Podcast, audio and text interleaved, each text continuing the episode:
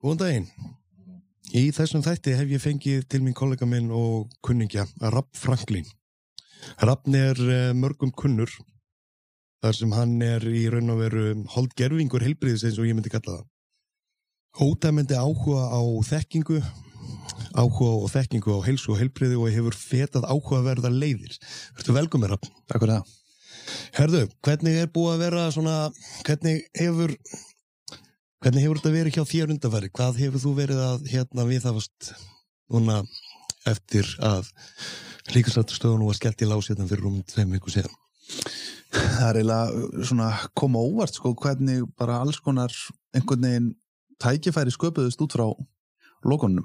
Það er einhvern veginn fyrst var svolítið hrættu við þetta alltaf bara allur businessin eiginlega horfin, bara tímbundi allavega en, en það einhvern veginn bara mynduðist ótrúlega tækifæri og ég hef eiginlega bara aldrei verið eins upptekinn og í COVID-un sem bara jákvægt sko.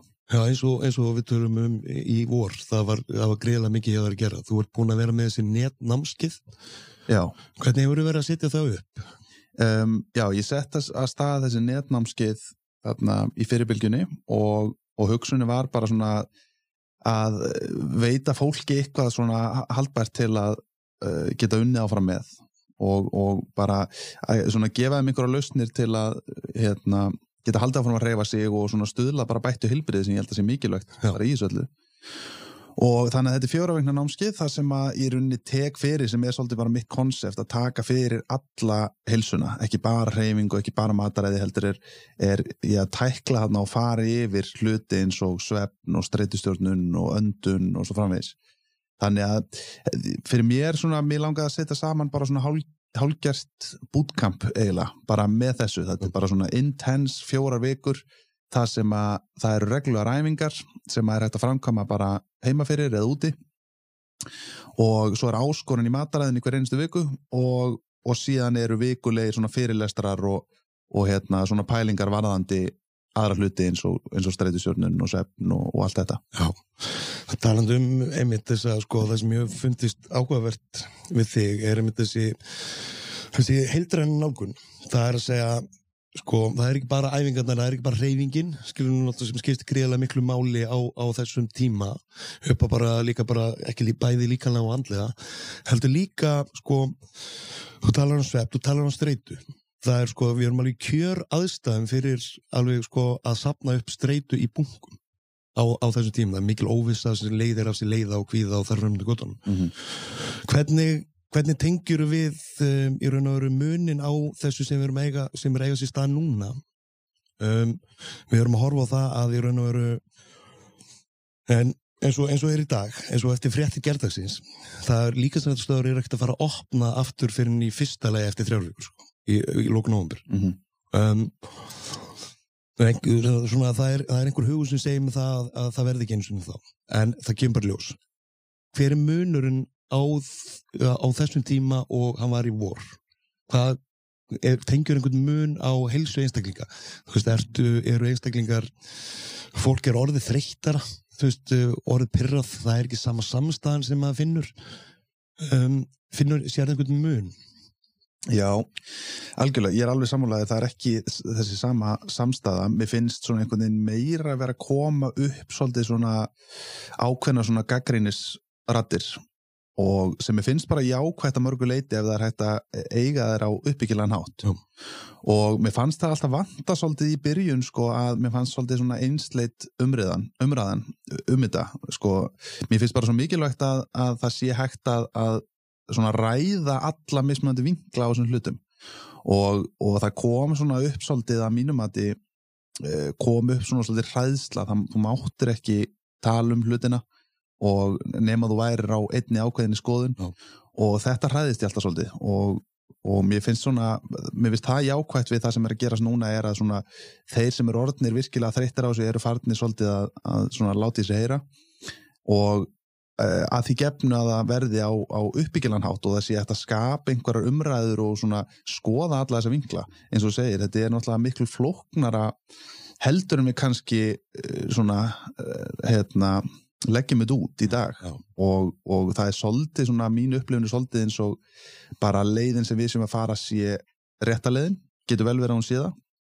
En hérna en enga síður held ég að það sé mikilvægt að, að fá þessu umræðu og ræða meira um alla þessa vinkla, ég meina eins og hérna, sjálfsvík, þú veist, það hefur verið hérna, aðeins í umræðinu með það, hvernig þau hafa hækkað og, og þessi streyta, kvíði og þess aftar og svo er ég náttúrulega ennþá að býða eftir því að ég fá að heyra almennilega frá hérna bara heilbyrðisiföldum og eða einhverjum öðrum svona á, í, í ofinböru um, hvaða áhrif, eða hvað við getum gert heilsufarslega séð, ég meina hvernig við getum styrt okkar eigið ónumiskerfi og, og þar fram til gotum. Það er svolítið punktur sem hefur sem hefur hérna ekki verið svolítið upp á yfirborinu, þú veist eins og landlækni persónlega í viðtölum, hún hefur talað um í viðtölum bara í fréttum hana þú veist, hún, hún er duglega að fara út að ganga og hún passar svefnin, þetta eru bara svona grunnstóðir og en bara það, það vantar einmitt um, svona beinni sín og sko raun og veru beinskeittari tilmæli frá einmitt heilblíðis yfirvöldum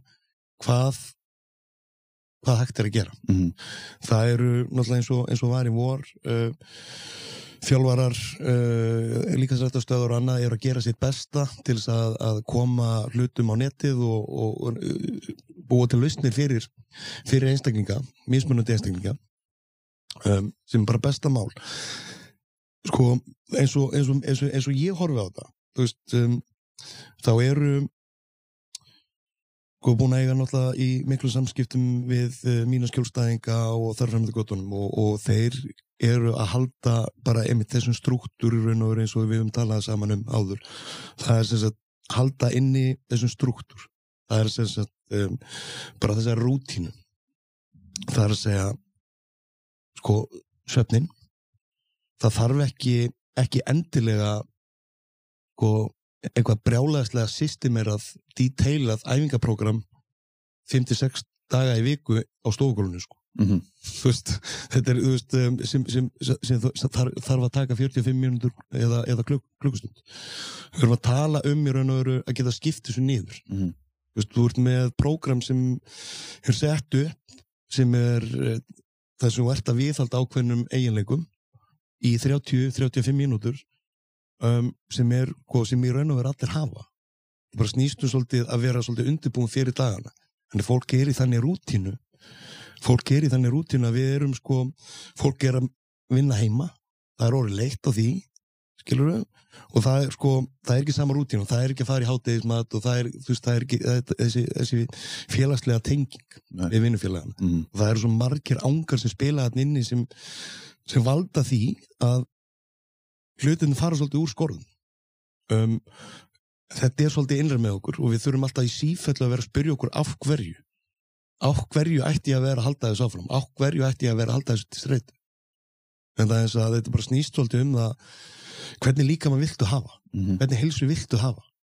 Þú veist um, og þú veist eins og sko varandi með þetta content eða þetta koncept sem þú hefur sem er svo áhugavert sem þú hefur talað um það er eh, tengt inn á þetta mataræð og, og, og, og þetta andlega það er sem sagt heilsu þjófatni þrýr það er sem sagt ofneisla síkurs unnar græmyndisólujur uh, sem og svo streyta Mm -hmm. getur þú aðeins uh, sko sett þetta aðeins í samingi fyrir okkur hvað hérna hvað þetta er í raun og veru sko mjög, mjög víða er, er síkuneisla að fara upp á við núna á þessu, þessum tímam við erum að fara inn í þú veist, það eru byrjað að spila jólu í útarpinu og þú veist, allt í góðu skil við erum að fara að fóka pipakukur og, og, og svo, svo hína stundina þá viljum við fara að hérna borða eitthvað heilsusamlegt. Mm -hmm. og þá eru einstaklingar að inni sem kannski mögulega horfa á einhverja græmiðsölju þetta lítur að vera holdt Já, akkurat Já, ég setti þetta saman sko út af því að mér fannst þetta að vera svona þrýr hlutir sem ég hefði tekið bara eftir bæði, hérna, bara kringum mig og hjá mínum skjólstæðingum og svona. Um, hlutir sem að var að ræna fólk heilsunni en fólk var ekki endilega að taka eftir. Þú veist, kveikt ekki á því. Og, og margir af þessum einstaklingum uh, töldu sig vera að lifa heilbyrðin lífstíl Mm. en samt sá ég alla þess að þrjá heilsuþjófa reglulega bara svona í kringu þá.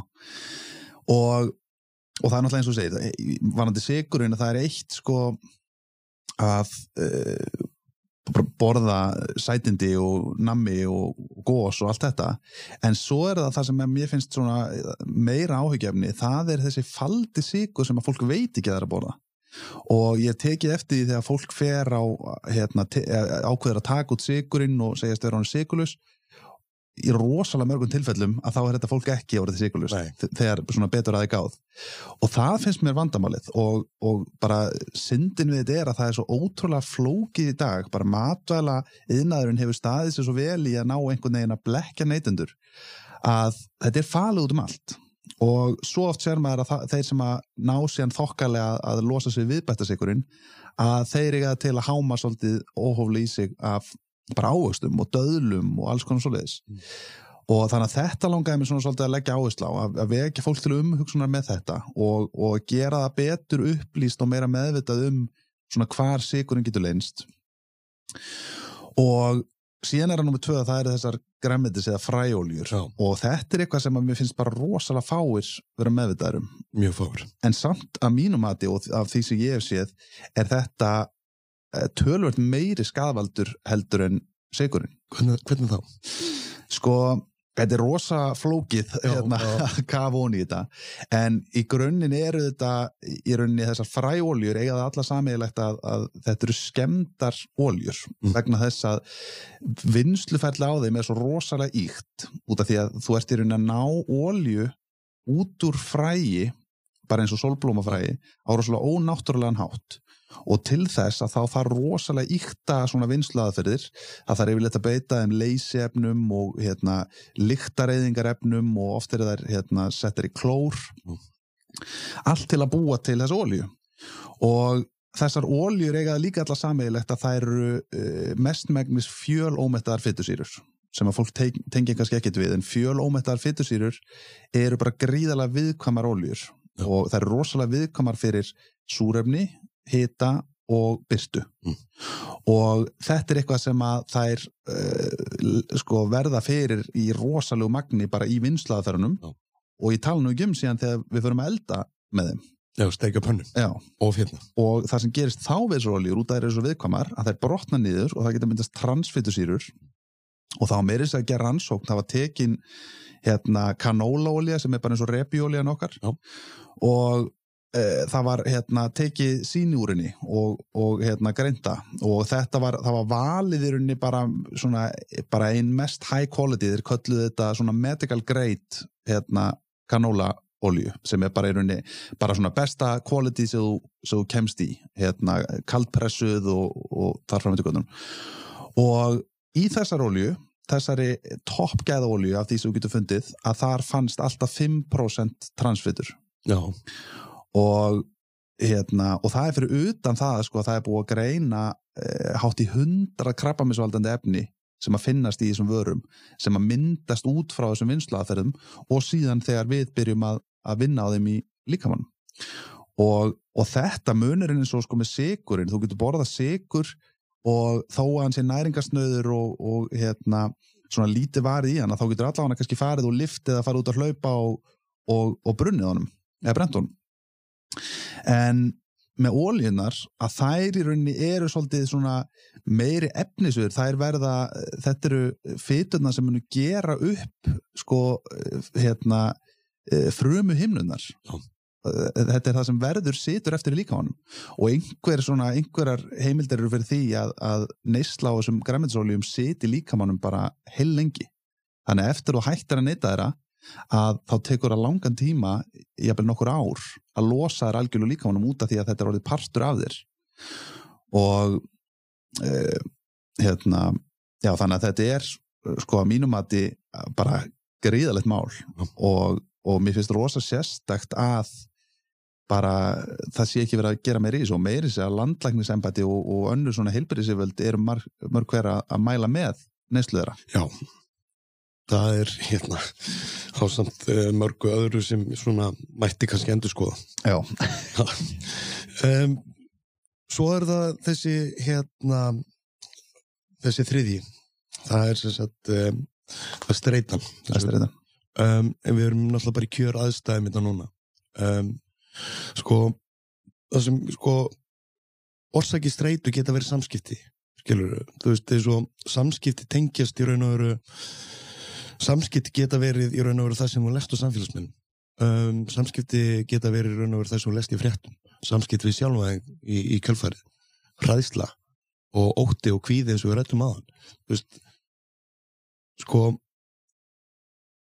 og afleðingarnar í raun og veru sko verða svolítið þannig að við erum farin að um, sko ekki að veita því aðtigli, aðtigli hvað við erum að gera við okkur sjálf að því að sko streyta hefur gríðarlega áhrif á ósjálfur á töðugjörfið það er að segja hjertslátt og blóðþristing og meldinguna og þetta beintengist inn á veru það sem við viljum vera aðhafast við. Það er að segja, við, erum, við viljum sko við viljum hafa góða orku til þess að geta hreift okkur. Við viljum geta sofið vel til þess að geta haft góða orku til þess að geta, geta hreift okkur.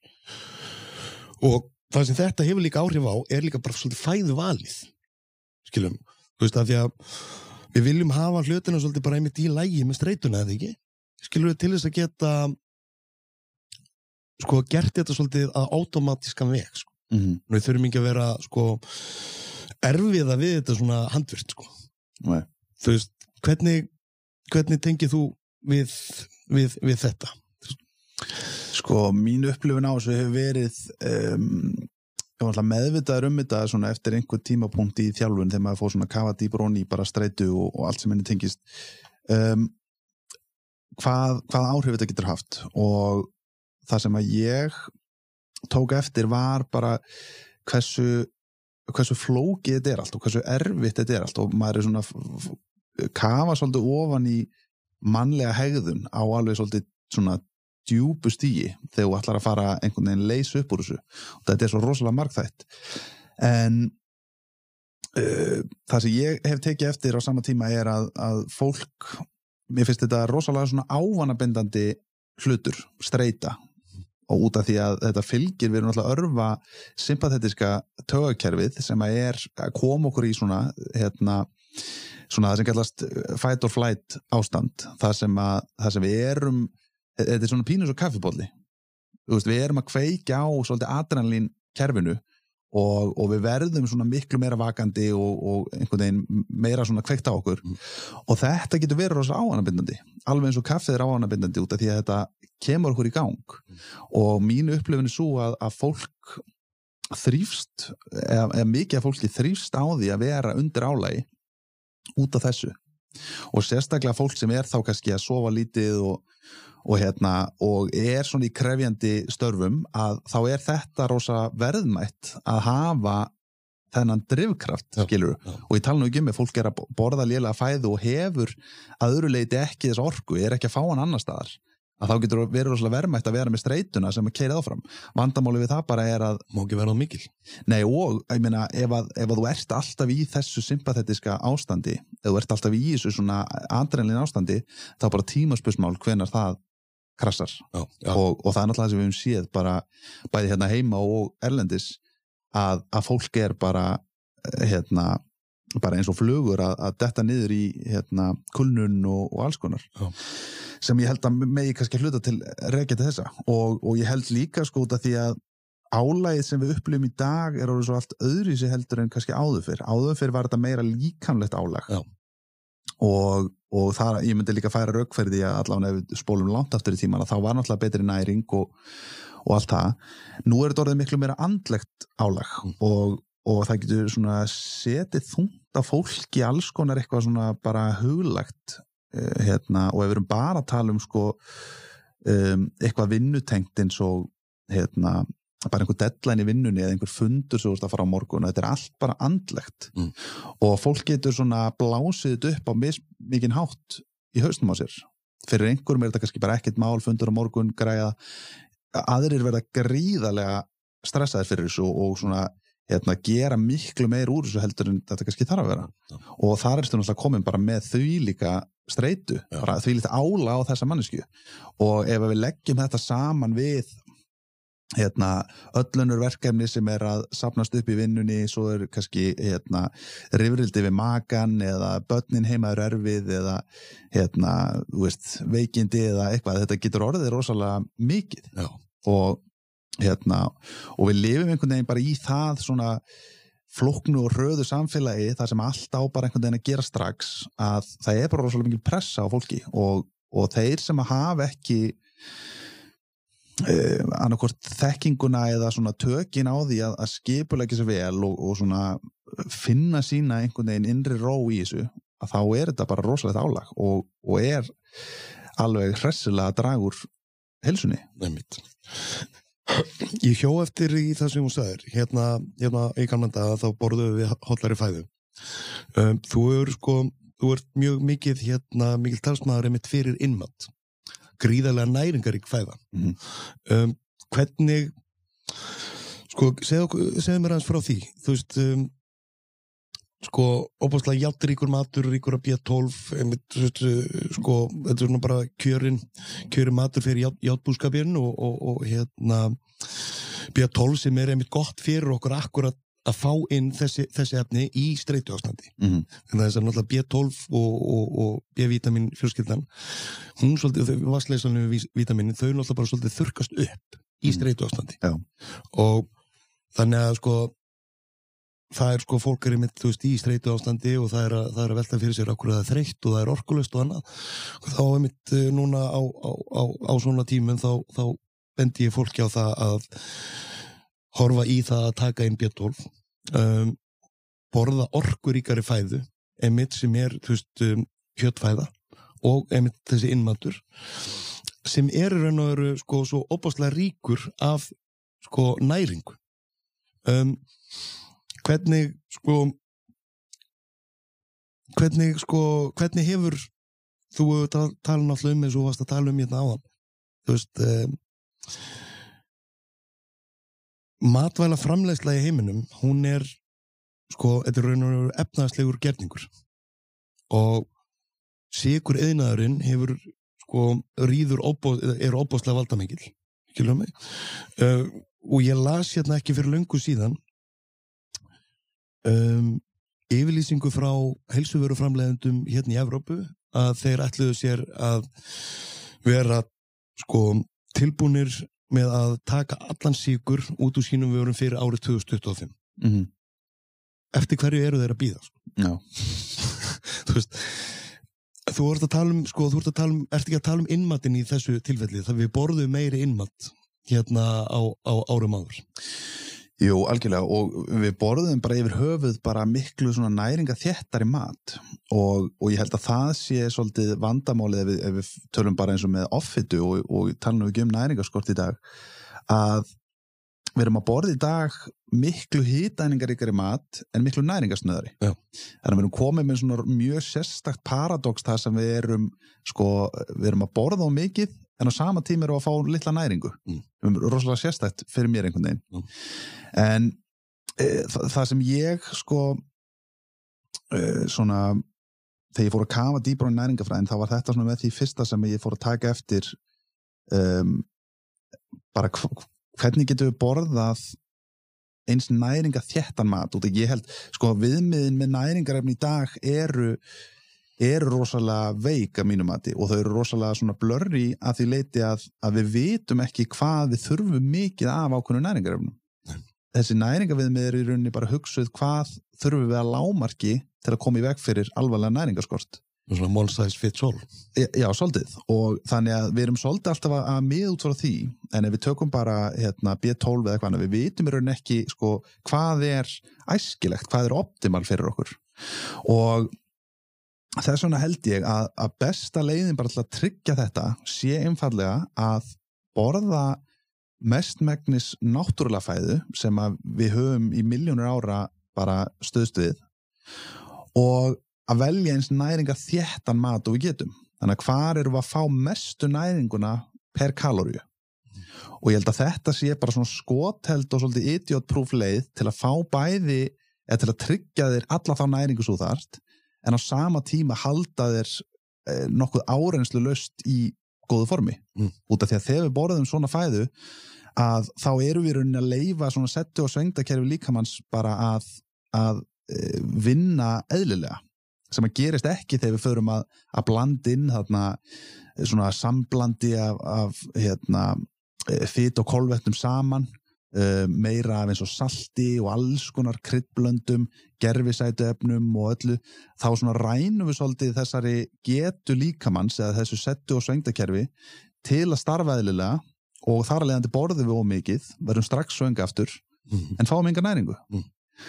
og innmaturinn myndi ég segja að sé þar fremst í flokki út af því að bæði er innmaturinn er eiginlega svona svolítið eins og bara fjölvitamin náttúrunar að mínum mati. Þetta er rosalega breyður skali af mismandi næringarefnum og eins og nefnir hérna, B12 og, og í rauninni bara öll B-vitamin er að finna hana í þokkalum mæli eða magni og hérna A-vitamin, játn uh, hérna zink allt náttúrulega bregðarslega mikilvægt fyrir ónumiskerfið og svo erum við líka með svona svolítið sérstakari eh, óheðbundan næringarefni eins og hérna mangan og, og einhver svona efni Mm.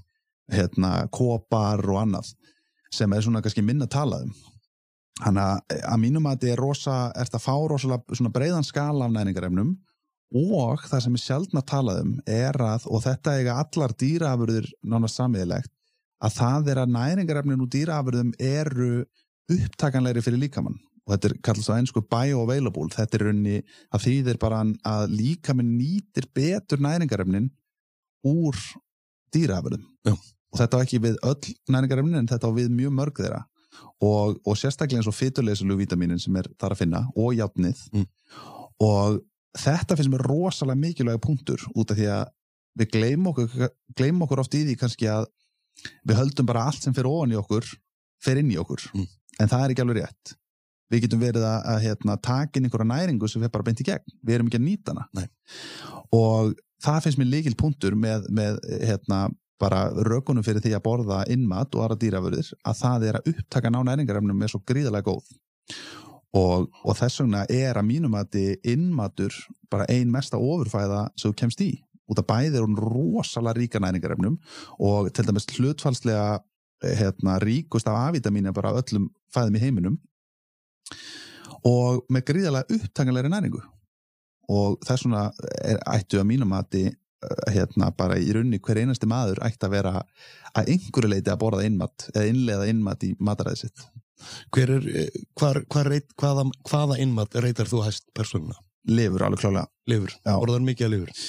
Ég, ég tek náttúrulega hérna já, eh, sem er hérna innmatur í töfluformi. Ég tek það í raun á hverju meinastegi Mm. og það er bara mín svona trygging.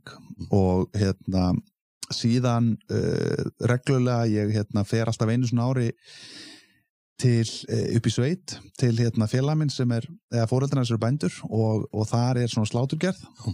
og þá bara gerum við hérna haug af slátri og blóðmör og livrapilsu bara beint frá bíli og, hérna, og ég er alltaf með nóga þessi fristinum ok, ertu þá bara nú sl- sláttíðin svona nýbúin að vera? Já. Ertu, ertu bara með bara áspyrðar í, í hérna fristinu núna? ég reyndar, ég reyndar misti af þessu núna út af því að hérna, ég var ný, nýfætt barn og, og komst ekki.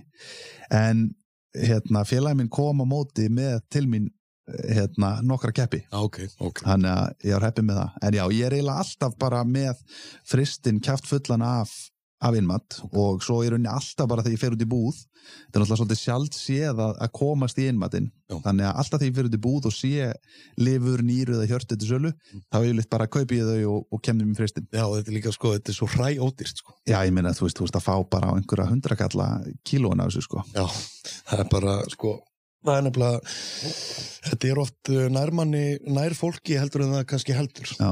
og En, en svo finnst mér uh, það sem ég veist ótrúlega óþægilegt, nei, hérna, ekki óþægilegt, heldur, uh, hérna, magnat við þetta uh, og þetta er eitthvað sem hefur ekki, sko, verið svona staðfest með einhverjum, hérna, klíniskum rannsóknum, en, en þetta er svona það sem að hérna, forfeður okkar töluð mikið um og það er svona marga vísbendingar sem benda til þess að það er að í rauninni hvert líffæri inni heldur næringarefni sem að samsvarar í rauninni því sem að okkar líffæri þurfa. Og, og hérna, sem dæmi bara eins og hjörtu. Mm. hérna lambahjörtu eða, eða hérna nautahjörtu eða hvað er þau inni held að gríðalegt magn af, af ákveðin næringarefni sem kallast coenzyme Q10 Já. sem hefur verið hérna, mikið bent við bæta hertahelsu þannig að þar ert að fá eina ríkustu uppsprettu af coenzyme Q10 eh, sem ég myndi færa rauk fyrir þá að, að sé að stöðla að bættri hjartahelsu hjá þér Já. og það sama á við eins og um hérna, lifur, lifurinn heldur gríðalegt magna af, af hérna, B-vitaminum B-vitaminu er þekkt til að stöðla að, að hérna, bættri lifravirkni sem er náttúrulega bara okkar svona afeitrunar hérna, Afeitrunar. líffæra. Já, bara hérna Já. Náttúrulega hérna detoxi fyrir okkur sko og, og svo erum við að sjá það sem er endar hérna, leifilegt í bandaríkjunum er ólulögt held ég hérna heima að það er eins og að nota kirtla eins og skjaldkirtill inni heldur hérna, efni sem að stuðla að, að bættri skjaldkirtils eða elleri skjaldkirtils virkni Já, og í bandaríkjunum skjaldkirtil? Já, og í bandaríkjunum ertu byrjar að geta fengið hérna, þurrkaðan skjaldkirtil í töfluformi til að í rauninni bara stuðla að elleri virkni á þínum eigin skjaldkirtil. Og, og það var gerð rannsók sem að bar saman í rauninni hérna, svona helsta vannvirknis skjaldkirtis hjá hormónið sem er notað í dag eh, sérst lifið og hérna, ég man ekki hvað heitir levoxetín eða eitthvað. Mm. hérna uh, í, í samanbörði við uh, bara þurrkaðan skjaldkirtil og þetta bara svona fljótt á litið uh, performaði bara sambarilega og ég myndi færa rauk fyrir því að að hitt muni eh, hafi betri áhrif út af þetta svona kannski náttúrulegri og eðleri leið til að stöðla að eðleri, virkni á, á skjaldkirtlunum inni heldur þarna alls konar önnur efni sem munur stuðla að bættri virkni við viljum bara hafa skjaldkirtilin lægi bara upp með efnaskiptinu að gera. Já, algjörlega, bara líkil atrið Líkilatriði, sko um, Þetta er áhugavert sko, við erum oft að tala um og maður verður oft var við um, þegar kemur að mataræði um, þá eru mikla sveiflur í þessu. Þú veist að koma upp hérna alls konar eh, leiðir sem, að, sko, sem poppu kollinum og verða vinsælar sem maður hefur séð áður poppu kollinum og þar fram til kollinum það er sem sagt um, það er sem sagt eins og, eins og er í gangi svolítið núna, nú er makró uh, að telja makrós eða telja orkuöðin nú er það árið svolítið vinsælt.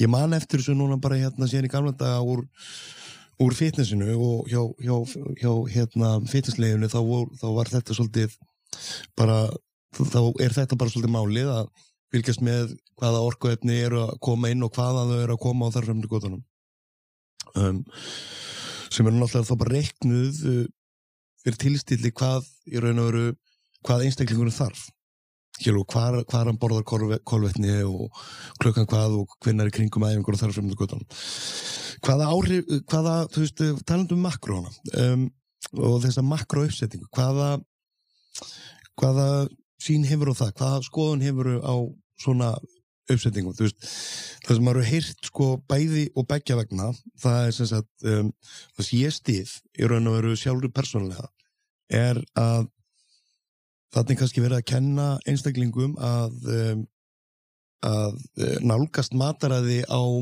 heilbriðan hátt. Uh, þú ert að kenna fólki að lesa betur í næringuna kenna fólki betur í næringu.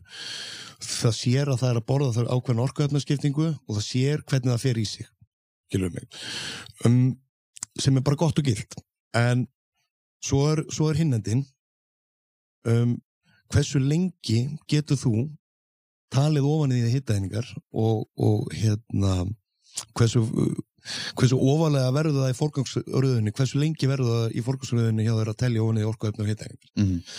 ok, þú lærir af þessu en sko the bottom line bottom lineið er bara þetta að sko, eins og ég hef sagt við þegar kemur að orkuefna skiptingu passaði þig ef þú ert að reyfa þig passaði þig á því að um, hafa prótinið hátt. Ef, prót, ef, það, ert með 30% indöku af prótini rannsóknarlega var sínt fram á það að með um kringum 30% þá lekka hitaðningar að jafna því um 400 á dag. Af því að prótin er bara þannig að það er seðjandi Mm. það er mest seðjandi orkuefni. Og sko hugsaðu svo um fytur og trefjar ómeltaleg kolvetni. En, og sko kolvetni eru aldrei bönnuð uh, í mínum bókum um, en skipt það, það getur skipt máli hvaðan, það- hvaðan, hvaðan, hvaðan þau koma og uh, og hvar þau eru inni Mm. en ekki, ekki það að segja að að borða eftir klun hálf tíu á kvöldin að borða kolvetni eftir hálf tíu á kvöldin telur ekkit fleiri hitaðningar en að borða sömu kolvettamáldi í hátteginu sko. Þú veist, maður er alltaf að vinda ofan af þessum mítum Mhm.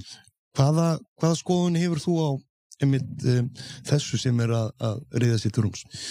Sko, eins og makrós og svona, og fyrir þá kannski sem ekki vita þá er makrós stendur bara fyrir makronútrient sem eru orkuefni þrjú fita, brotin, kólinni um, og, og konsepti í kringum makrós eða að telja makrós snýst náttúrulega bara um að- setja upp svona ákveðin struktúr um hvaða, hérna, hversu mikið magn af mismunandi orkuefni þú ætlar að borða og, og svona eh, fitta uh, mataræðinu inn í þann ramma Mm.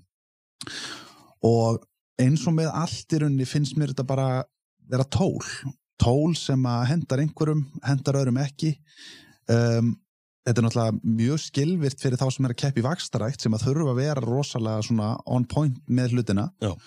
og vandamáli kannski sem ég sé er að og alveg eins og gerðist svolítið þegar svona, svona vakstaræktar æði eða fitness æði kom svona svolítið fyrir einhverjum ákveðnum árum að þá allt í einu voru einhvern veginn rosalega mikið af fólki bara svona meðal jónum farnir að vera með sko bara hálfgert svona vakstarækta plan í rektinni, eitthvað svona hérna, líkamslötanir splittaðir niður sexunum í viku, alltaf brennsla á mótnana, þetta þessi bara svona klassíska formúla Já. Og þetta finnst mér gallað, Mm. út af því að þarna erum að leiða fólk niður held ég rángaleið og og ég hugsa sko fyrir, fyrir meðalmannin sem að langar bara að stuðla bættu heilbreyði, hérna, jafnvel langar að, að byggja sig aðeins upp eða vera hraustur og, og líta vel út ég sé ekki, ekki sko mikla ástæði til þess að, að styðja sig við, við eitthvað svona makró Nei. Ég segi samt sem aður eins og þú komst með góðan punkt að, að ég held þessi rosalega verðmætt að, að leifa þessu fólki að prófa kannski í tvær vikur að, að fara í gegnum svona hérna, að telja makrós eða að telja hittæningar upp á að, að læra svona svolítið inn á þetta og sjá svolítið út. Að þetta getur verið rosalega svona uppljóstrandi bara að sjá hversu mikið af hittæningum eru hér og þar Mm, og bara fá svona smá sens fyrir því en til lengdar held ég að og ég held að það hefur bara sínt sig að það bara það virkar ekki og, og flestir þeir sem að ég hef séð sem að eru í þess að staðaldri en eru ekki í neinu sérstöku sporti Nei. að það eru svona smá vandamál í kringum þetta, veist, þetta er einhver svona smá hérna, mér finnst ekki skýna þessu neitt svona sérstakt jafnvægi eða helbriði Nei. og ég persónulega held bara að séu til miklu betri leiðir, ég held að þetta gefi okkur svolítið afsökun til að, að borða meiri óhóllustu út af að þeir bara fitta inn í þessi orkuhlutvöll að þá eru við bara sátt. Og bara krítiskur punktur sem ég finnst vanta þarna og þetta finnst mér bara vanta í matarir umræðinu svolítið yfir höfuð að það er með micronutrients, það eru hérna, næringarefnin. Já, vítamin og steinundir Já, og, og það eins og Þau í, gleymast þau gleymast. Og, og í makró svona bara konseptinu er í rauninni lítið rætt um það. Það er bara makrós, telja makrós en ekki að tala um mikrós, Nei. næringarefnin. Þannig að þú getur fengið kolvetniðin frá bara þannig sé hvítu hveiti Já, sem að, þú veist, næringarsnöðu hvítu hveiti og ef það fittar inn í kolvetna hlutföllin sem þú ert búin að setja fyrir Já. að þá, þannig sé það bara allt í góðu já veist, þetta er einmitt- þetta er einmitt það sem maður hefur svolítið sko séð það er sem sagt um, það er að segja sko if it fits your macros þá er það í lagi Já. skilur Mhm. þú veist, það skiptir ekki þá, þá er raun og veru, virðist það ekki vera að það skiptir máli hvaðan nei, hvað, hvaðan orkuefni koma mm -hmm. í raun og veru sem ættu í raun og veru að skipta megin máli út frá ef maður horfir á sko heilbriði Mm -hmm. en svo aftur á móti þá verðum við að horfa aðeins á það þannig að sko þetta þetta er svona lærdómur sko, og þetta er í raun og veru inn, innra með hverjum að einum. Þá hefur hann örgulega átt að sig allir einstaklingar hafa átt að sig einhver tíman á, einhver tíman á síni, síni lífsleið. Að vera að borða hollafæðu vera að um, pæla í hvað þeir eru að borða og hafa þá upplifað miklu betri orku miklu betri lífsgæði skilur og þú getur, þú veist, ef þú getur og ef fólk getur rifjað upp þessa tilfinningu skilur mig þá þá er það náttúrulega bara frábært Mhm. en bara málið er sko, mér finnst að mér finnst að skjóta svolítið skökku við sko það sem við erum að við erum að fara inn í eða það sem ég finnst bara skjóta skökku við að sumstaðar, það sem maður séð, ekki allstaðar þá verðist það ekki skipta máli hvaðan orkuðni kom Nei. ef þetta er svo þú talar um við göngum ekki endilega bara á orkuðnum prótinni, kolvetnum, fytu mm. við göngum fyrir vítaminum stein og þá aðal í raun og veru sko, það er fyrir það er, það er sko fyrir tilstölu sko líffærna okkur nýrana, lífrinnar hjart og æðakerfis, lungnana. Þetta eru sko það, það kemur niður á líffærunum á okkur ef, ef það er langvarandi skortur af einhverju vítaminum og steinum sem eru okkur nöðsynleg Mm. þannig að sko Og, og þetta finnst mér, þetta getur verið svo leint, þetta, þetta er svona eitthvað sem er að matla undir húttinu og, og þú getur verið með mannesku sem, a, sem að virkar hérna, í rosagóðu formi og, og lítur þokkalega út en það er kannski allt í tjóni undir húttinu Já. út af því að þarna er að grasserast einhver svona næringarskortur eða skortur á einhverjum ákveðnum snefilefnum eða steinefnum eitthvað sem að e, kannski bara svona brist út setna mér. Já, einmitt, sem brýst út setna mér Já. það er, það er að vera punktur þú veist, við erum við erum sko við erum bara með umbúðir sem er hérna við fysikið eða líka minna okkur. Og við erum ekki að veita því nægilega mikla aðtigli hvað er að gera steinir með okkur. Mm -hmm. talandi um líka bara þessi blóðsíkur áhrif sem er sko notabenni eins og við höfum rættum áður. Og við erum alveg á hérna sömu línu með það er einmitt sko þessi blóðsíkur áhrif og afleggingarnar af slæmri blóðsíkur stjórn eru bara stór hættulegar og eru alltaf að koma betur og betur í ljós. og þú veist um, þetta er fræðimenn og, og vísindamenn og læknar um allan heim þeir ganga svo langt að segja að þetta sé faraldur sem muni sko sem, sem, sem er að vaksa alveg gríðarlega Mm -hmm. en það er ekki talað um þetta Nei. heilbriðsíðuvöld hafa ekki hafa hérna, hérna heima hafa ekki veitt þessu nægilega aðtikli og Algjörlega. þú veist hvað eh, hérna já, uh, varandi með ég fekk nefnilega hérna í ljó, í spurningu frá einu fylgjandum mínum á, á hérna Instagram sem ég hérna sem ég ætlaði að beina til þín. Já. Mér langar að uh, langar að spyrja það eitthvað spurningar. Því að uh, já, byrju. Vandam, sem sagt, já, þá kemur hér.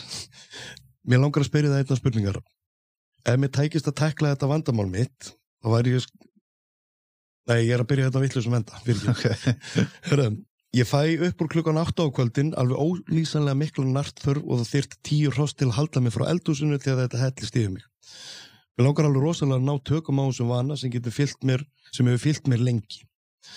Það er að segja um, að hún, þessi einstaklingur, hún er að um, borða opaslega mikið á kvöldin en hún er eins og hún segir hérna líka en ég, er ég kannski ekki að borða nógu yfir daginn.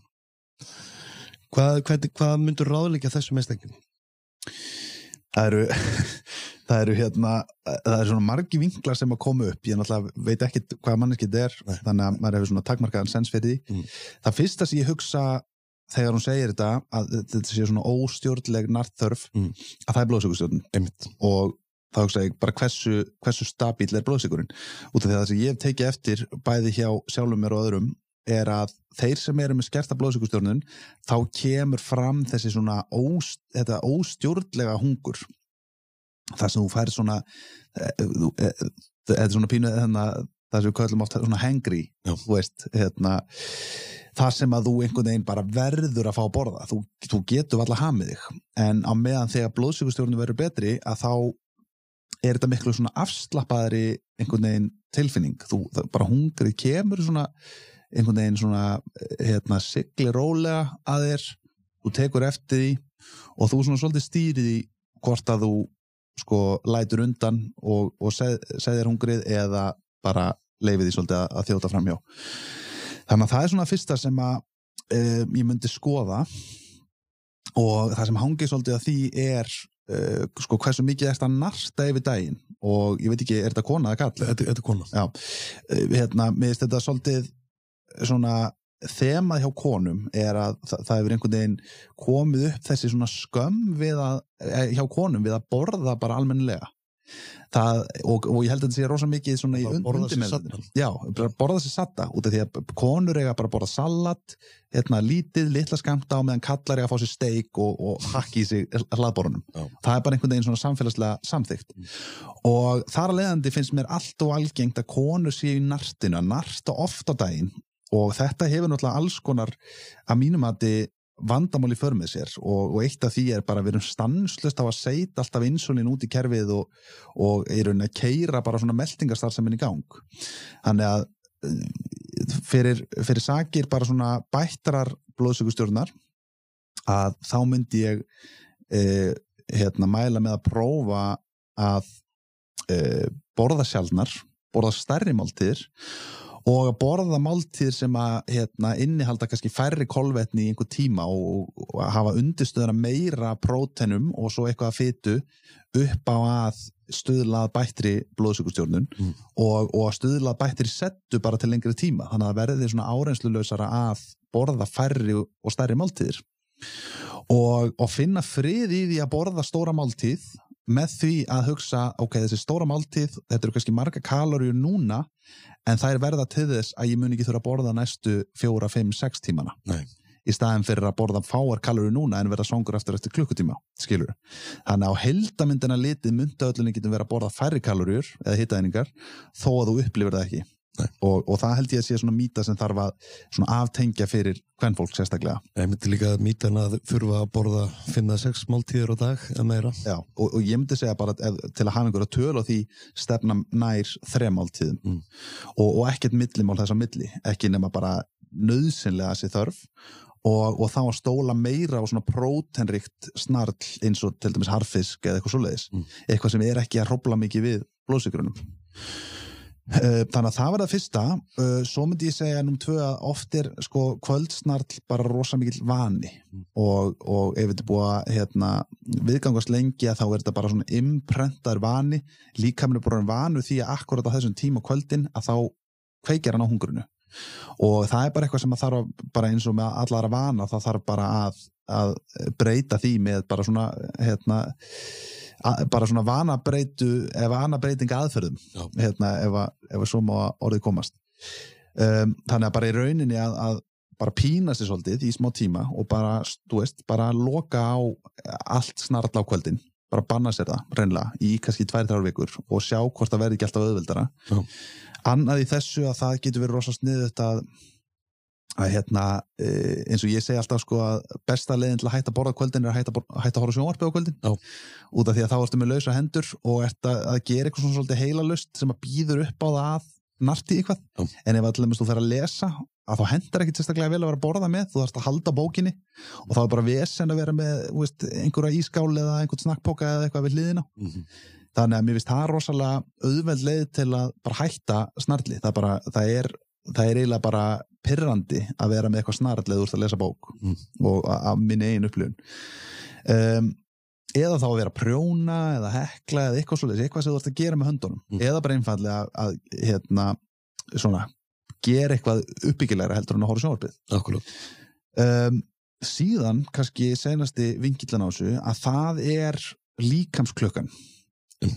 og um, það svona er einhverja vísmendingar sem að segja mér að, að líkamsklökaðin gæti verið vannstilt og, og það sem myndi gera í því væri einfallega bara að sko eh, hérna, vinna svolítið með byrtu og, og þá eins og kvöldin og þá komum við líka inn á sjónvarpið á kvöldin að forðast alla gerfibyrtu eins og getur út af því að gerfibyrtan í rauninni hefur þau áhrif og hún plata líkamann okkar svolítið og lætur okkur halda þessi dagur þegar það er komið kvöld Einmitt.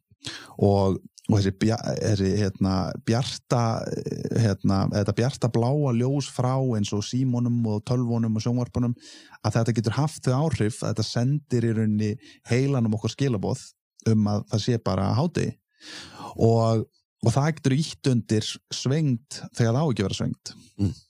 Þannig að hérna, reyna að passa upp á það og slökka sjónvarpinu, það er hægt að hérna, fá svona fítusa í símana og í tölvunar, þetta kallast svona blue blocking forrit til að í rauninni blokka þessa bláa byrtu En svo þessi gleru sem þú hefur verið að nota sjálfur þá, já, já, svo er það annað að, að hérna, það er hægt að kaupa svona blue blocker gleru líka Mm. sem ég hefur verið að nota. Og, og þá ertu bara með gleru sem að í rauninni eru með þannig filmu á sér að, eða linsum á sér að hérna, það er blokkera þessa bláu byrtu sem að menn vilja meina að sé svona verst upp á að, að hérna, um melatonin framleyslu og og síðan á modnana, og þetta er kannski erfitt hérna á Íslandi, en á modnana um leið og vaknar er hann að fá þá hérna, bara skæra byrtu inn um augum og ef þú kemst bara um leið og verið bjart úti, fara strax út og ná kannski 10-15 minna göngutúr.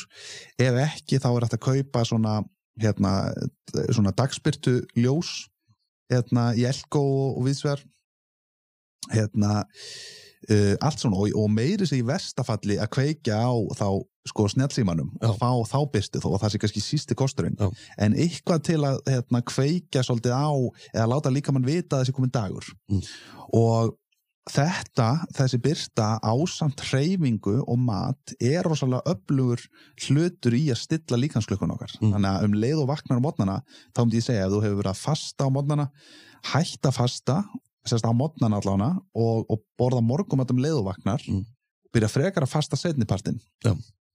Og eh, hérna, sömu leiðis með hreyfingu um leið og vaknar eða þú hefur tök á því farið kannski hérna, 15, 20, 30 mínuna göngutúr svolítið röskan göngutúr eitthvað sem að kemur aðeins sérslættinum upp.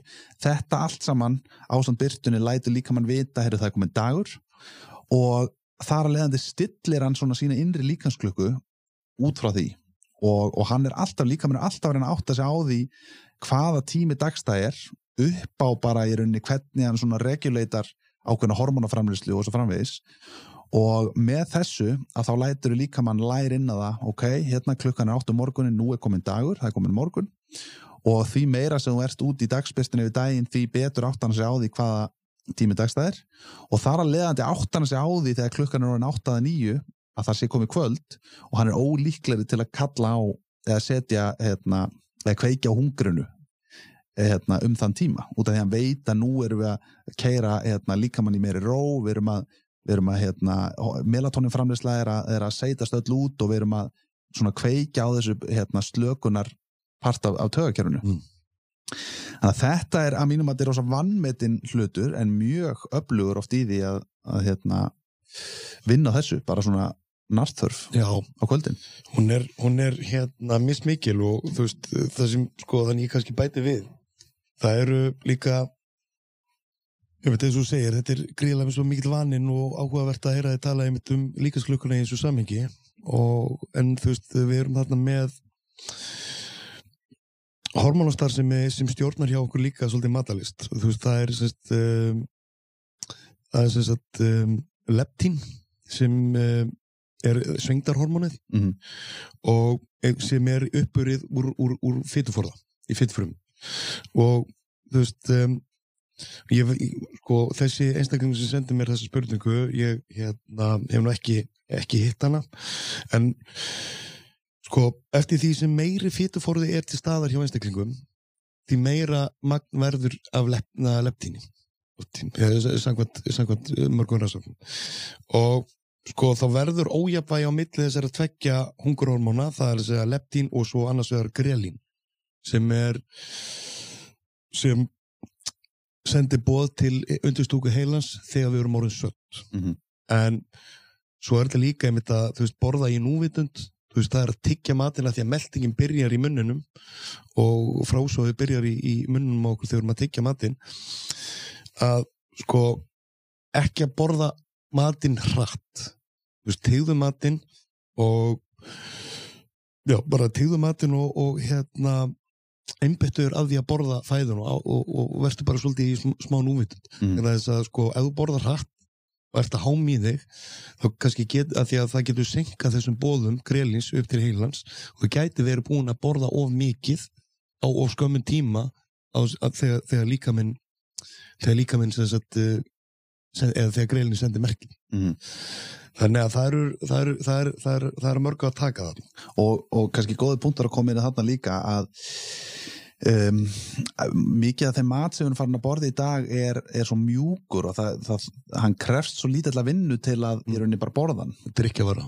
Já, og bara hérna bústar og einhverja hérna hvað heitir þetta? Hérna, þessar berjaskálar hérna, asæskálar og allt þetta. Já. þetta er allt bara einhver svona mauk sem við bara einhvern veginn svona bara se- ja, sér Sem bara flýtur einhvern veginn niður. Já, algjörlega. Og, og þetta verður til þess að það er miklu auðveldara að hólka ofan þessi rosalegu magni af hittaeiningum áður en að líka mann er búin að kveikja á þessari hérna bara settu í raunni hérna sörun. Og ef við berum það saman við til dæmis að borða hérna, þú veist, hérna magurt kjöt eða eitthvað, það sem að þarf alveg virkilega að hafa fyrir því, þarft að tekja það lengi til að hérna uh, í rauninni bara koma því niður Mm. og þar að leiðandi fara öll þessi meldingarenn sem að staði í munninum og hérna, setur allt þetta í gang og, og líka minn hefur miklu betri tíma og meiri tíma í að í rauninni kveikja á þessum settu skilabóðum. Akkurát. Þannig finnst það líka verðuðu punktur og það sem er kannski svona smá útúdúr með það er að það eru rosalega áhugaverða rannsóknir sem er að sína fram á það að þetta, þessi breyting á mataræðin okkar í, í áttað svona mýgri mat er að hafa rosalega áhrif á í rauninni bara útlitið okkar, andlitsfallið út af því að við erum svo lítið að vinna á vöðvonum hérna, kjálkavöðvonum og öllu Akkurát. Og, og þeir vöðvar hafa áhrif á í rauninni alla eh, bara höfukúps hérna, já. og, og þetta er ít undir hluti eins og skakka tennur og öndunar hérna, vandamál, kæfisvefn og allt þetta þannig að ég held að þetta sé svona mikilvæg vingill að snerta á sko virkilega. Hver er svona, svona að fyrir að liða að, að lokum, hvern, hvernig er svona kvöldrútínan hjá þér? Hjá, hjá þér? Svona, sko þú verður að sofa á? í, til að vera fullkomlega hreinskilina þá hefur hún ekki verið góð upp á síkastir hérna, að hluta til út af því að ég hef verið í ákveðnum verkefnum sem að hafa verið svona svolítið að taka á. Þannig að það hefur virkilega reynd á bara eh, svona mig til að hérna, viðhalda mínum gildum. Bara hvað hérna, svefvarðar og bara lífstílin Þannig að ég hef verið að augra því svolítið og, og hef verið að fara svolítið sent að sofa en ég reynir svona alltaf að vera með þau viðmið eh, að ég fer aldrei að sofa setni minnætti. Að það er bara svona einhvern veginn kötterinn. Já. Og þannig að það, ég hef svona verið að tegja alveg hérna, mörkin hvað það varar og hef minna verið að sinna svona mínum eh, hefbundu svona rútinum en ef ég tek svona það sem er klassist hjá mér þegar, þegar allt er í góðu standi að e, þá reyn ég yfirleitt að, að stuðlað mikillir ró bara svona fljótlega eftir kvöldmatt og mér finnst rosa gaman ef ég hef tök á því að, að gera hluti eitthvað svona hérna, annarkvort lesa hérna, bækur á kvöldin. Ég er náttúrulega bara hérna, með einhvern ósæðjandi þorsta í bara. Já, bara vitnesku og fróðleik þannig að ég nýti kvöldin of þegar börnin eru sopnuð og, og hérna, bara sog í mig hérna, bækunar um, Ég líka með svona ákveðin hobby eins og að hérna, spila á, á píano, ég er með svona ramaspíano heima. Ok. finnst það rosa gaman að læra það. Ég er reyndar, það er svona mjög erfitt að koma því fyrir þegar hérna, er reyna að koma lesturinn fyrir og öllu þessu og, en það er svona það sem að mér finnst hérna, mér líður best með að gera á kvöldin og og hérna, síðan reyni ég að koma öll í ró ég setja á mig blúblokkarglerugun dimmi öll ljósin Já. ég er reyni með sjálfstýringu ég er með Philips Hue heima og öllu heimilinu Já. þannig reyni bara klukkan hálf nýju að þá slöknar öllum ljósum á heimilinu og þá er bara allt í einu verður bara allt svart Mm. og það er bara svona minn einhvern veginn svona hérna, kveikur á að, að bara ok, það er að koma nótt ég ætla bara að kveikja á kertum núna kannski einhverjum lömpum þannig að ég er svona undirbúa líka minn undir að það sé að koma Já. kvöld. Þannig ég er ekki með hérna bara glampand á mig einhverjar hérna, Bara þenda niður töðkerfin. já, og, og þetta er svona eitt þáttur í því. Og hérna setu blúblokkuglerun um, svo er ég bara að reyna að hafa svona ákveðna ró. Síðan eh, þegar svona rétt fyrir svefnin sem ég reyna að vera yfirleitt komin upp í rúm fyrir 10.30 uh, undir venlum kringustæðum og þá sérstaklega það er eiginlega bara svona algjört líkilatrið ef ég er að þjálfa ég náttúrulega, þá er maður að vakna tölvört fyrir heldur en kannski núna uh, þá hérna, fæ ég mér sérstak, sérstakar tegunda magnesium sem kallast Læsmynd, já. og, og, hérna, og þá er það, þetta er ekki þetta hefbunda magnesium citrate sem þú finnur út í búð Nei, þetta er tengt við ammanusýruna. já, gl- glæsín Já. og, og það er hún sem er líkil þátturinn í því að stöðla bættum djúpsöfn Mm. og, og það er ástæðan fyrir því.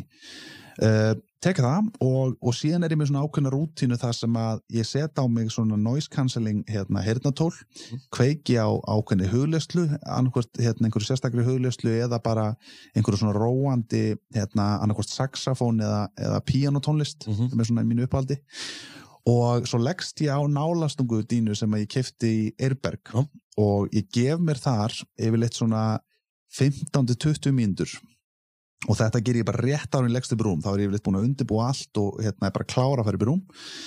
Leggst upp í rúm, hérna, nei, leggst á, á dínuna, gef mér 15-20 mínútur og þarna gef ég mér bara svona tækifæri til að sleppa algjörlega tökunum á öllu, bara tökunum á deginum og, og hérna og rey, reyni bara svona, já, algjörlega sleppa tækinu. Og kannski verst að koma inn á þarna rétt áður en ég geri þetta til að ég geti sleppt tökunum að þá fer ég alltaf inn í kalandarinn minn og sketsjulera deginum Deginum morgundeginum. Já. og, og, og jafnvel vikunni ef, að, ef að þess þarf. En ég bara set niður nákvæmlega hvernig ég ætla að hafa daginn á morgun. Allt það sem að er svona hérna, efst, mér efst í huga varandi eitthvað sem ég þarf að gera eitthvað sem ég verða að klára morgun eitthvað sem ég þarf að muna. Bara setja þetta allt á blað hérna, inn í kalandirinn og þá er bara dagurinn lænaður upp. Þá get ég bara sleft einhvern veginn algjörlega tækinu þá þarf ég ekkert að spá í neinu núna Nei. þangað til bara ég vakna morgun. Og þá bara þegar ég vakna daginn eftir þá get ég opnað kalandirinn, séð bara hvað ég þarf að gera. Og þetta finnst mér rosalega öllu leið í að bara leifa líkamannum að fara í þetta slökun ástand og því ég held að ofta tíðum að þá erum við undir svo miklu álægi, við erum með svo margt einhvern veginn alveg bara á, á flugi í hausnum. Og við náum ekki að halda utanum þetta allt bara í hausnum á okkur, þannig að þetta verður bara svona algjör óreiða, ég held að þetta er líki latrið upp á að læra að sleppa tækinu. Og svo er náttúrulega margt sem sýnir fram að það að leggjast á þessa nálastungudínu svona kveikja á, á hérna, parasympatetiska tögkerfunu, slökunarpartinum af tögkerfunu og þetta finnst mér frábært og oft eiginlega svona hálfpartin sopna ég á dínunni Já. og þá einan sem ég þarf að gera er bara hérna, taka herntól að mér lappin í söfnherbyggi og hérna, leggist um rúm og þá er ég bara eiginlega átt og hérna, þetta hefur gert rosalega mikið fyrir mig upp á að, að bara stuðlað bara, já, bara frábærum hérna, og gæða söfni gaman að heyra líka að þú þú ert svona proaktiv fyrir morgun. Bara búin að vera bara meðan bara nýður neldan og þá er það bara frá. Já, og ég, ég, það, er, hérna, það var eiginlega bara líkilatri ég er með svona smá fullkonrortu sem er kannski hluta ástæðin fyrir því að ég ger þetta. En bara því meira einhvern veginn því flóknari sem svona lífið mitt eða lífstilli minn varð að því meira bara þurfti á þessi halda. Þegar svona, maður komið fleiri játn í eldin heldur en hérna, bara þjálfunna, það eru konið fleiri vinklar og eins og núna hérna, með mitt eigi hlaðvarp og það þarf að veist, hérna, sinna því og öll í kringu það og svo maður með náttúrulega börn og allt þetta og maður þarf að koma þessu öllu einhvern veginn fyrir á svona ákveðnum tímarama þá þarf maður bara að vera brjálaslega skipulaður og, og þetta finnst mér bara algjörst líkilatrið og hérna þannig að og, og eins og ég segi, ég, ég held að í rosalega mörgum tilfellum að, bara minni reynslu að þá hérna, vinna með fólki að þá myndi ég segja að rosalega stór hluti svefvandamál hjá fólki held ég að mig rekja til bara streitu Já. og, og þetta er eitt stór þáttur í því að fólk bara er með allt og mikið í gangi hausnum á sér, næri ekki að sleppa tækina því byrjar að upplifa kvíða liggur andvaka eh, þess vegna upp í rúmi bara kortisólið og streituhormóni bara alveg á flugi út af því að það er svo mikið að hugsa um hvað ég þarf að gera morgun og, og, veist, og svo mynda streitan út af því að þú ert ekki ná að sopna þá kemur bætist ofan á streituna, ég er ekki ná að sopna og hvað er klukkan, nú fæ ég bara 6 tíma svefn og hérna. Ja. og þannig að, að, að læra að setja hlutina nýr á blað þannig að þú getur svona aftekti frá þeim og að læra að sko að læra að sleppa takjunu á hlutunum, það er líka bara kunst sem þarf að læra Mm. að, að hafa hugrekkið til að bara þurfi ekki að hafa stjórn á öllu skilur, Nei, þetta snýst svolítið bara um bara svolítið aðurleysi. já, algjörlega og, og þetta er svona já, bara eitt af, eitt af mínum verðmætustu tólum myndi ég segja í bara bæði að stuðla að bættu heilbrið hjá mér og bara einhvern veginn að, að auðvelda mér lífið svolítið. Já, en ég menna að þú veist, þú ert með mörg játn í aldinum, þú veist, þú ert að þjálfa, þú heldur fyrirlestra, heldur úti þessu flotta hlað, hlaðvarpið 360 gráður helsan og ert svo núna orðin svölu og markastjóri hjá Pure Natura. Já. Þannig að það er hérna og með nýfætt bann Já, og, og eitt annað eldra. og eitt annað og þryggjára stelpu. Já, þannig að það er hérna, og svo náttúrulega bara það að halda uppi sko, hérna, öllu svona í kringum bara einhvern veginn businessin og þjálfunna og sérstaklega núna þegar maður er svona tekur smá hliðaskref þá náttúrulega léttir aðeins á að, að vera ekki að þjálfa en, en þá kemur á móti maður setur upp einhver námskeið eða Já. eitthvað svo leiðis Mm. og, og eins gaman og þetta er að þá náttúrulega er þetta ótrúlega vinna Já, á, á baku þetta Þetta er gríðarlega vinna og þú veist eins og, eins og hvað mér var þar núna þetta er, sko, það er ekkert minni vinna hjá manni þó maður sé ekki í daglegu tímánum á gólfunin er og líkastræðstöðu í þjálfuninni sem slíkri. Þjálfunin hættir ekkert í, í sjálfum sér hún breytist. Mm -hmm. og þannig að þetta er bara þetta er svolítið að vera svolítið Já. og, og laga sér svolítið að, að aðstæðum. Algjörlega. Og, og hérna og ég held einmitt að það sé bara svona leikil umræðefni í bara heilsu yfir höfuð sko þe- þessi vingill við, við getum tala rosa mikið um hreyfingu og matræði og, og svefn og allt það en svo þarftu líka að læra hvernig þú vefur þessu öllu saman og, og lætur þetta ekki verða streituvald út af fyrir sig. Út af því að það er náttúrulega líka hérna, vandamál sem maður stendur átt fyrir, maður er að varpa einhverjum upplýsingum fram um sko hvað þetta getur verið að hafa slæm áhrif hérna, þú sefur ekki nóg þá hérna, rústar ónumiskerfinu og eigur líkondan á Alzheimer sjúkdóm og hinn og þessu. Og, og fyrir sömum sem hafi ekki svona hérna, resursana í að, að uh, einhvern veginn innleið þetta á skilverkan hátt í lífstílinn þá getur þetta orðið rosalegu streituvaldur og, og bara svona kvíðavaldur að, að hérna, einhvern veginn reyna að, að jögla þessu öllu.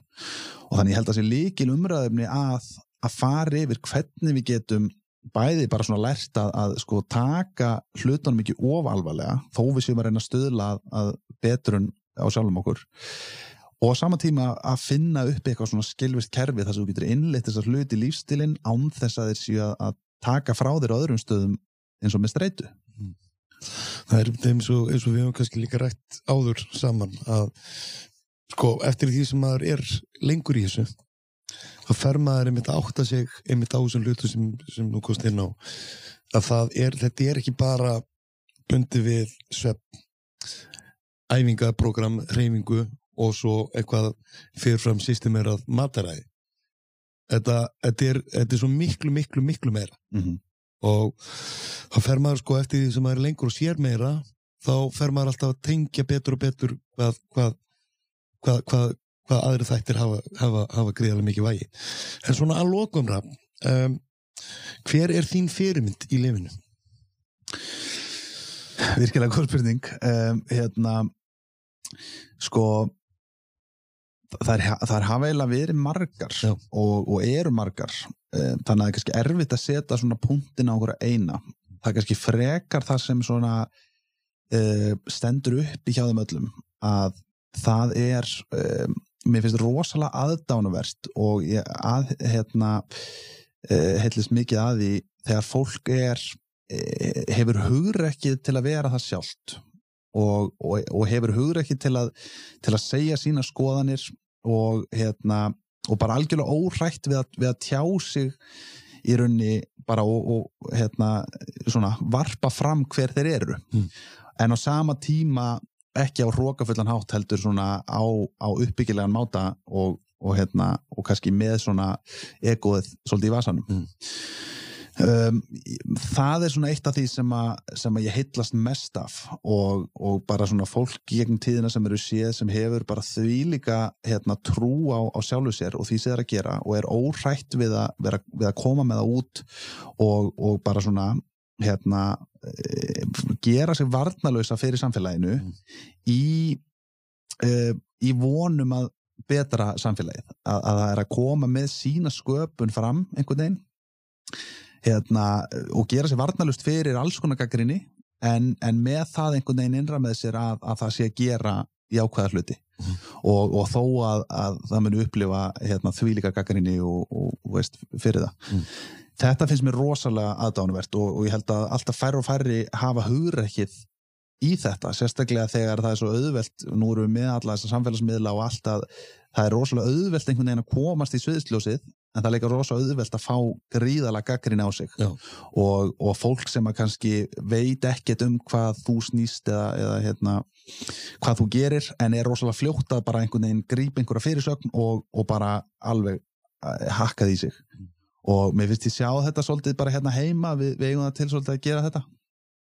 Og, hérna, og ég bara dáist að fólki hvort sem það hefur hérna, er að segja einhverju hluti sem er ekki endilega réttir en ef það kemur frá fallegum stað og uppbyggilegum stað að, að þá held ég að, að þá finnst mér þetta rosalega aðdáðanavert þessi eiginleiki á fólki og þetta hugur ekki að bara frá hvað má gera. Já, og, og ég held að við mættum hérna, taka bara svona fólk meira til fyrirmyndar og, og, og búa til samfélag það sem að það er meira hægt, þú veist, það sem fólk hefur meira svigrum til að deila sínum skoðunum og, og að, geti, að við getum átt svona uppbyggilegar hérna, samræðir sem að skila sér einhverju jákvæðu. sem hafa einhverju næringu.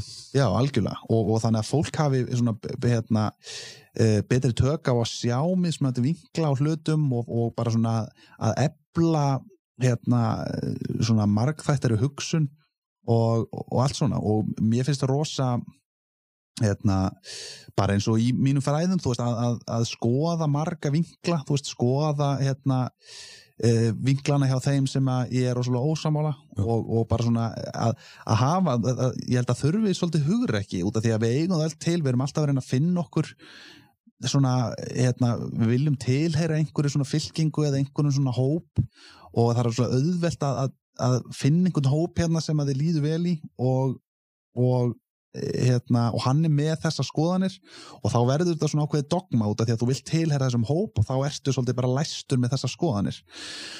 Og, og það getur verið svolítið hættulegt upp á að, að í rauninni finna sannleikan mm. og, og hérna, ég held við þurfum svona svolítið að, að hafa svolítið hugrekki til að standa á eigin fótum. Að, að vera ekki alltaf að fela okkur bak við einhvern hóp eða, eða vera ofháð einhverjum svona hópum með tiltekna skoðanir heldur að, að þóra að standa á eigin fótum vera með okkar eigin persónulegu skoðanir þó að þessi rángastundum og, og vera tilbúin líka að skiptum skoðun og vera tilbúin Já. að breyta þeim það er akkurat málið Þannig að þetta er svona kannski hérna, já, það sem stendur svona mest uppi og mér finnst mest aðdáðanvert hjá fólki sem, að, sem að hefur svona, eða gæti þessum eiginleikum. Já, einmitt að geta þú veist, uh, viðurkent, ok, ég hafði ramt fyrir mér og einmitt, þú veist uh, og einmitt að sé, þú veist er, er, vera svolítið svona flexi á á hlutunum að, að sko geta lært betur, lært meira og svolítið bara staðið vindin af sér og tekið hann á sig. Já, og ef þú hugsar hvað það er, hvað er auðvelt og ég held að maður sífælt detti í þessa grefju sérstaklega, hérna, og maður, maður sér þetta, þú veist, eins og bara, hérna, við tölum með mentasnopp eða, þú veist, hérna, bara svona ákveðin hróka í ákveðin geirum, hérna, þú veist, það sem að, eh, sko, uh, á undan hefur, hefur leiði kannski rosa mikið, hérna, og erfitt nám eða eitthvað svo leiðis, að, að þá kemur þessu svona hróki út af því að egoið þitt svona svolítið tekur yfir og þú upplifir þið eins og honum betri en næsta manneski út af því að þú ert hérna, hefur þessa þekkingu eða hvað það er. Já. og þú byrjar svona að persónulega tengja þig við þetta skilur og, og þetta held ég sé grefja sem við bara örgulega flest okkar lendum í og örgulega oftar en einu sinni.